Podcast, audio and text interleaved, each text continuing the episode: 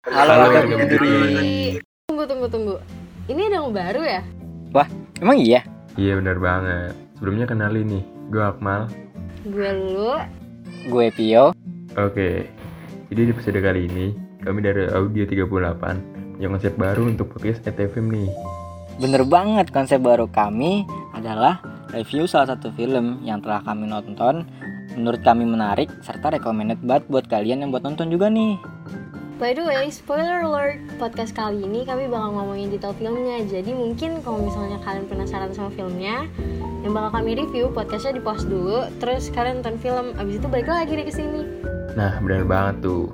Sebelum kalian menonton filmnya, buat kalian nih yang suka horor, bisa banget dengerin series podcastnya malam ini, malam Jumat. Nah iya tuh, kalau kalian suka banget nih sama sejarah, kalian juga bisa dengerin series podcastnya Potris di 8FM juga loh. Bener banget, pokoknya jangan lupa buat dengerin dan follow EKFM di Spotify dan share ke teman-teman, keluarga, biar nggak ketinggalan update yang terbarunya ya. Oh iya, emang kita di sini mau bahas film apa sih? Jadi di sini kita bakal bahas film yang judulnya Underdogs. Oh, gua tahu tuh. Itu yang pemain ada yang les nggak sih? Iya, yang ada Hanyura juga bukan sih? Iya bener banget. Eh, genrenya apa sih itu? Um, genrenya sih em, itu kayak drama, komedi, terus eh, ya gitu deh. Intinya tuh nih film nih seru banget dan lucu. Gue pastiin asli. Nah buat kalian yang penasaran sama filmnya, kalian bisa juga nonton di platform streaming kayak Netflix, Disney Plus, atau iFlix juga kok guys. Iya bener tuh. Case-nya siapa aja? Jadi castnya itu ada Cheryl sebagai Ellie, Babek Kabita sebagai Nanoy, Jeff Smith sebagai Bobby, dan Brandon Salim sebagai Dio. Wih, cast-nya terkenal semua ya. Iya dong. Udah yuk langsung bahas aja filmnya, gue yakin lo semua udah pada gak sabar kan? Ayo. Eh, BTW, gue lupa banget, lupa banget ya. Alur cerita itu kayak gimana sih? Soalnya gue terakhir nonton tuh tahun 2018. Emang film ini pertama kali tayang kapan sih? Film ini kalau nggak salah pertama kali tayang tahun 2017 lalu deh, singkat gue. Hmm, gue mau nonton lagi. Cuman gue gak ada waktu. Ceritain lagi dong guys. Ada orang sibuk ya dah. Oke, gue ceritain lagi ya Mal.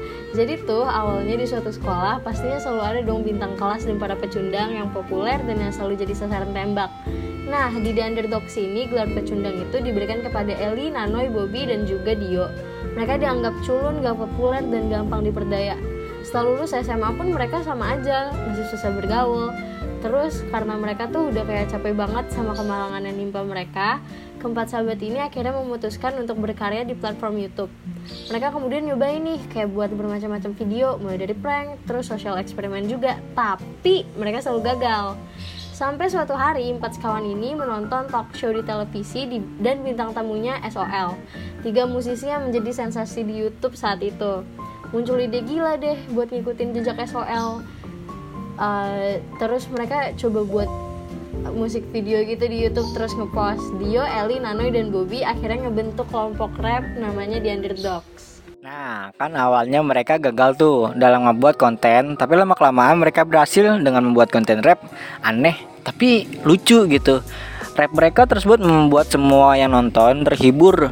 Di sini nih udah mulai ada guncang-guncangan, mulai dari hujatan hingga apresiasi dari beberapa public figure. Salah satu yang harus mereka lakukan adalah membangun channel hingga selalu membuat komentar positif. Tetapi tetapi mereka nggak dapat eh, eh, mereka ini nggak peduliin itu semua gitu loh. Terus masalah muncul pas youtuber terkenal bernama SOL yang terdiri dari Sandro X, Oscar, dan Lola diterima dengan popularitas yang diraih di Underdogs. Klimaksnya tuh waktu itu ada persaingan. Sandro X, Bobby dan Bobby mengadakan sebuah taruhan yang di mana jika salah satu di antara mereka berdua Underdogs atau Soul kalah maka dialah yang akan tutup channel. Taruhan tersebut disaksikan banyak youtubers lain nih. Dan taruhan tersebut yang membuat hubungan antara underdogs itu pecah. Gitu. Oh, gue baru inget nih. Di sini nih, scene favorit gue. Sama, sama, sama. Ini juga scene favorit gue. Nah, terus nih Mal, si Ellie tuh ngerasa kalau dari awal mereka buat channel YouTube kan cuma buat seneng-seneng aja ya, bukan buat bersaing kayak gini. Akhirnya mereka berdebat di basecamp mereka nih. Ellie bilang kalau misalnya Bobby masih terus ngelakuin hal ini, Ellie nggak bakal mau terlibat. Selama beberapa hari, Bobby, Nanoy, dan Dio berencana buat video tanpa Ellie. The Underdogs mulai pecah lagi. Bobby lebih mentingin egonya sendiri daripada temen-temennya. Hal ini yang buat Dio marah banget sama Bobby. Kalau gue jadi temennya Bobby, udah gue siram air kali itu. Nah, bisa aja loh.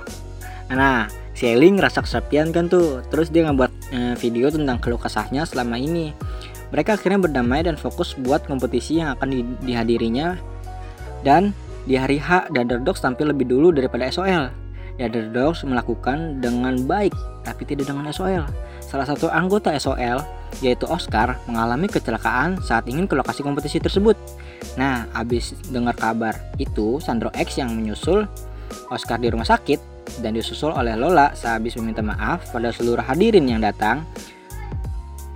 Eh, terus The Underdogs ini nggak nggak nggak diem doang gitu loh. Mereka menyuruh seluruh hadirin untuk memberi pengumuman di sosmed Bu- eh, buat ngasih tahu kalau Oscar ini ngebu- ngebutuhin golongan darah min O. Tak lupa juga The Underdogs juga menjenguk Oscar di rumah sakit karena kebaikan The Underdogs ini yang ngebuat keduanya berbaikan dan mengadakan collab setelah Oscar sembuh. Wah, gokil ini film. Betul gue baru inget ya, kalau film ini tuh ada fakta menariknya gitu tuh. Jadi tuh, saudaranya bilang kalau yang ia tekankan dalam film tersebut enggak menitik beratkan para pelaku aktivitas kekinian itu, melainkan fenomena yang ramai dibicarakan saat ini, kayak bullying atau perundungan. The Underdogs juga memenangkan penghargaan pada Festival Film Bandung tahun 2017 loh. Keren banget gak sih? Keren banget tuh. Nah, ada lagi nih fun fact-nya. Pas filming ini, film Hanyura tuh kayak jadi rusak banget gara-gara harus di bleach berkali-kali terus diwarnain juga kan. Jadi ujung-ujungnya pas selesai pas selesai film, dia kira potong pendek banget gitu deh. BTW, udah udah selesai nih. Kalian dapat makna dari film ini tuh apa sih? Kalau menurut gue sih maknanya tuh uh, dari film ini kita paham bahwa terkadang beberapa hal tidak semudah yang terlihat. Butuh usaha yang besar dan konsisten untuk menjadi sukses. Kalau menurut gue sih, jangan lihat orang itu dari lemahnya dulu sih. Karena kalian tuh nggak tahu kemampuan yang mereka punya apa. Bisa jadi mereka lebih hebat dari kalian. Jadi pesan dari gue, jangan lihat orang dari luarnya aja ya guys. Betul banget tuh Mal, Pi. Nah, itu dia guys review dari film The Underdogs. Gimana? Tertarik nggak nih? Gak mungkin enggak sih. Hmm, kayaknya kita temenin kalian sampai di sini dulu deh. Sampai ketemu di podcast selanjutnya ya. Stay tune terus buat update selanjutnya. Dadah. We hope you enjoy guys.